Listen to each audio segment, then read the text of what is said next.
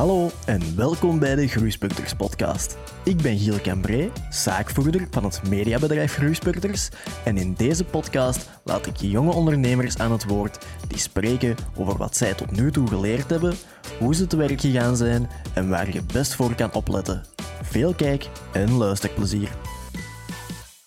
Goed, welkom bij een nieuwe aflevering, of ja, een nieuwe aflevering, een nieuw, ehm, nieuw stuk in onze series, in onze Groeispurters en Sync-series hier vanuit Antwerpen. Eh, we zitten bij onze tweede gast of gasten. Eh dag heren. Dag, hallo. Dag. Hey. Hallo. Eh, kunnen jullie jullie zelf eens kort even voorstellen en eh, even uitleggen wat jullie doen Ja. met jullie onderneming? Wij zijn eh Mourad en Mo. Ehm, onze onderneming is eigenlijk elektronische visitekaartjes. En waarom Ja. hebben wij eigenlijk gekozen voor elektronische visitekaartjes? Waren aan het nadenken, welke onderneming gaan we starten? En, eh, en elke onderneming heeft één ding gemeen, een visitekaartje. En ze hebben allemaal die kartonnen visitekaartjes. Mhm. En eerlijk gezegd, ik heb nog nooit in heel mijn leven een visitekaartje gepakt en dacht van, ik ga dat eens een keertje opzoeken wat die Instagram is of die site. Nog nooit Ja, heb ik dat gedaan. Ik gooi dat meestal weg, of dat blijft in mijn kleren en mijn moeder dat en dan uiteindelijk die karton is toch weg. Ja. Dus we dachten, we moeten iets verzinnen dat dat probleem gaat oplossen. En dan hebben we deze elektronische visitekaartjes gekozen. Mhm. Je hebt er maar eentje nodig als ondernemer of als werknemer onder een eigen bedrijf. En eh, op het moment dat je met een prospect komt, met een toekomstige klant, dan scant je die kaartje eigenlijk gewoon op de achterkant van de gsm en je contactgegevens komen er gelijk op de gsm. En je hebt maar, het is maar een eenmalige aankoop. Dat is ook goed voor het milieu en ook effectief, want jij weet, die persoon die kijkt naar je profiel, die kijkt naar je contactgegevens en die is er ook op. Terwijl bij een kartonnen kaartje, je geeft dat af met een 50-50 gevoel. Gaat hij er iets mee doen, ja of nee? Terwijl bij dit eh, idee heb je dat niet. Bij dit, idee- bij dit idee weet je, oké, die persoon gaat er effectief iets mee doen. En vandaar wij URNFC. Ja, dus eigenlijk is het een beetje ervoor zorgen dat we in plaats van de kartonnen kaartjes in onze portefeuille steken, dat eigenlijk die gegevens direct in onze gsm komen. Ja, Want we hebben het allemaal al een keer voor Ja. gehad, dat je denkt van, ah, ik weet nog dat iemand mij zo eens een kaartje geeft, waar zit dat nu, wie was dat nu weer? Ja. En nu heb je die direct in. Dat is eigenlijk wel een goed idee. Eh, je zei dat je begonnen bent vanuit het idee van, ik wil ondernemen. Mhm. Ehm, van waar kwam het idee? Wa- Waarom, waarom wilt je starten met ondernemen? Eh, ik kwam zelf op het idee van eh, iets te doen met NFC. Mhm. Ja. We werken met NFC-tags eh, in deze visitekaartjes. Ik kwam op het idee om iets te doen met NFC. Dus ik dacht in mijn eigen van, wat kun je allemaal met NFC doen? Mhm. Je betaalt ermee aan de kassa. Ik kwam op het idee om dat ofwel in hoes te steken, hoes te steken, met dan een bedrijfslogo erop. Eigenlijk hetzelfde als deze visitekaartjes, maar dan een hoes. En toen kwam hij op het idee om, waarom, hij, hij zei tegen mij van, waarom maken we dan gewoon geen busi- businesscards, Mhm. visitekaartjes, en steken we daar NFC-chips in? En, eh, en, en, en het begon allemaal eigenlijk tijdens gewoon corona. Ik Ja. was net klaar met mijn shift bij McDonald's en ik zei tegen hem, ik heb er geen zin in. Ja. Als student zijn, jij moet wel altijd studentenjobjes doen, maar jij moet iets anders doen. Toen, wij zijn toen begonnen met crypto en eh, aandelen. Ja? En, en die, dat- dat- we hadden er zoiets geno- we hadden er genoeg van, want als je aandelen koopt, je laat dat voor tien jaar. Zien dat je er elke dag mee bezig bent. Dus we dachten, oké, we hebben iets nieuws nodig. En vandaar kwam ineens de crypto's voor ondernemen. Hoe, hoe is dat voor jullie geweest? Want ja, corona, eh, dat was... Want jullie zijn momenteel nog studenten. Ja, allebei? ja, klopt. allebei. allebei. Dat is... ehm, ik, ik heb het zelf meegemaakt. eh, student zat ik... eh, als het corona was, was ik nog student ook. En ehm, dat was voor mij heel moeilijk. Ik heb op die moment ook besloten om uit mijn studie te stappen. Voor mij, ik had er genoeg van. Hoe, hoe is het bij jullie geweest als studenten? Ik denk dat onze studie bijpassend is bij onze onderneming. Ik studeer marketing, Aha. dus ik denk eh, met ons idee... Dat, ik kan ook mijn eigen marketing doen voor mijn eigen bedrijf. En ook, dat is ook een gedeeltelijk marketing. En hij doet IT. Alright. Dus- de AP. Hogeschool. Ja. ja. Niet reclame maken voor AP.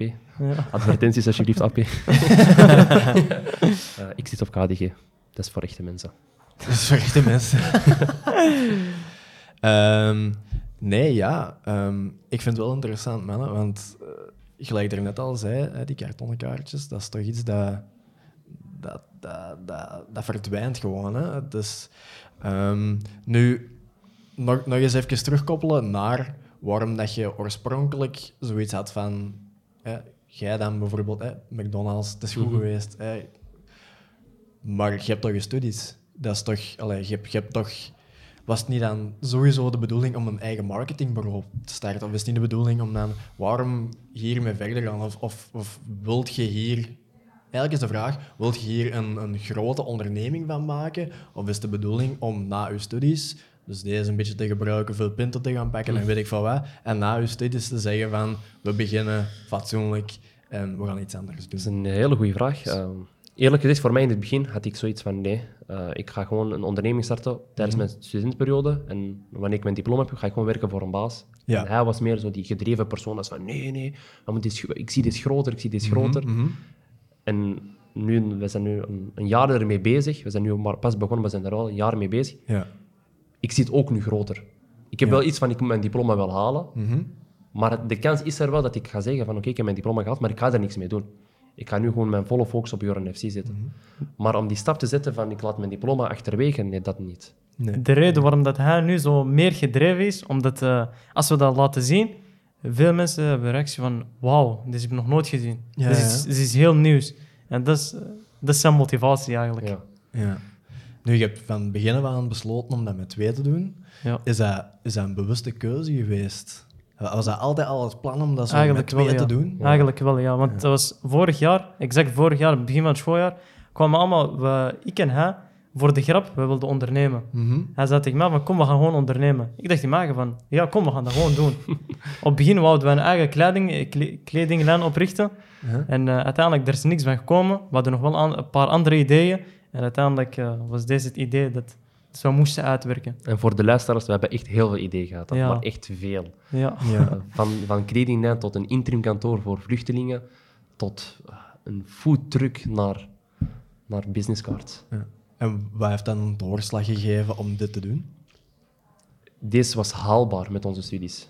Ja. Een, een, een kledinglijn vraagt heel veel eh, startbedrag. Je moet heel veel inkopen eerst. Mhm. En dat is een groot risico. Gaat je alles kunnen verkopen? Eh, bij een eh, interimkantoor heb je ook heel veel geld nodig. Ja, ja, Dus als student hebben we, we zeiden iets van nee, we willen gewoon iets simpels, maar krachtig doen. Ja. En voor deze heb je niet zo'n groot bedrag voor nodig, dus dat was perfect. ja, ja. En we hebben heel weinig concurrenten. Ja? Dat ook. Ja. Heel weinig concurrenten, dat is iets, dat is iets nieuws. Dit is nieuw.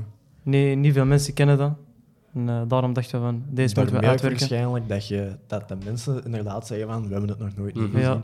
Dat is wel goed gezien.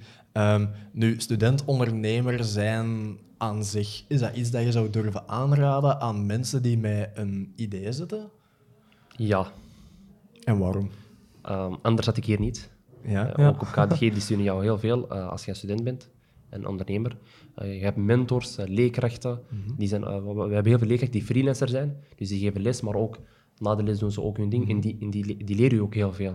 En als student-ondernemer, ik heb het gevoel dat die zo achter u staan. Dus ook al val ik, ik heb het gevoel dat mijn leerkracht mij nog steeds zo een beetje naar boven trekt, of die Ja, val ja, een beetje verzacht. Terwijl in het begin, ik was geen student-ondernemer, dat was zoiets van, wow, ik ben in een grote wereld met grote mensen, wat moet ik hier doen?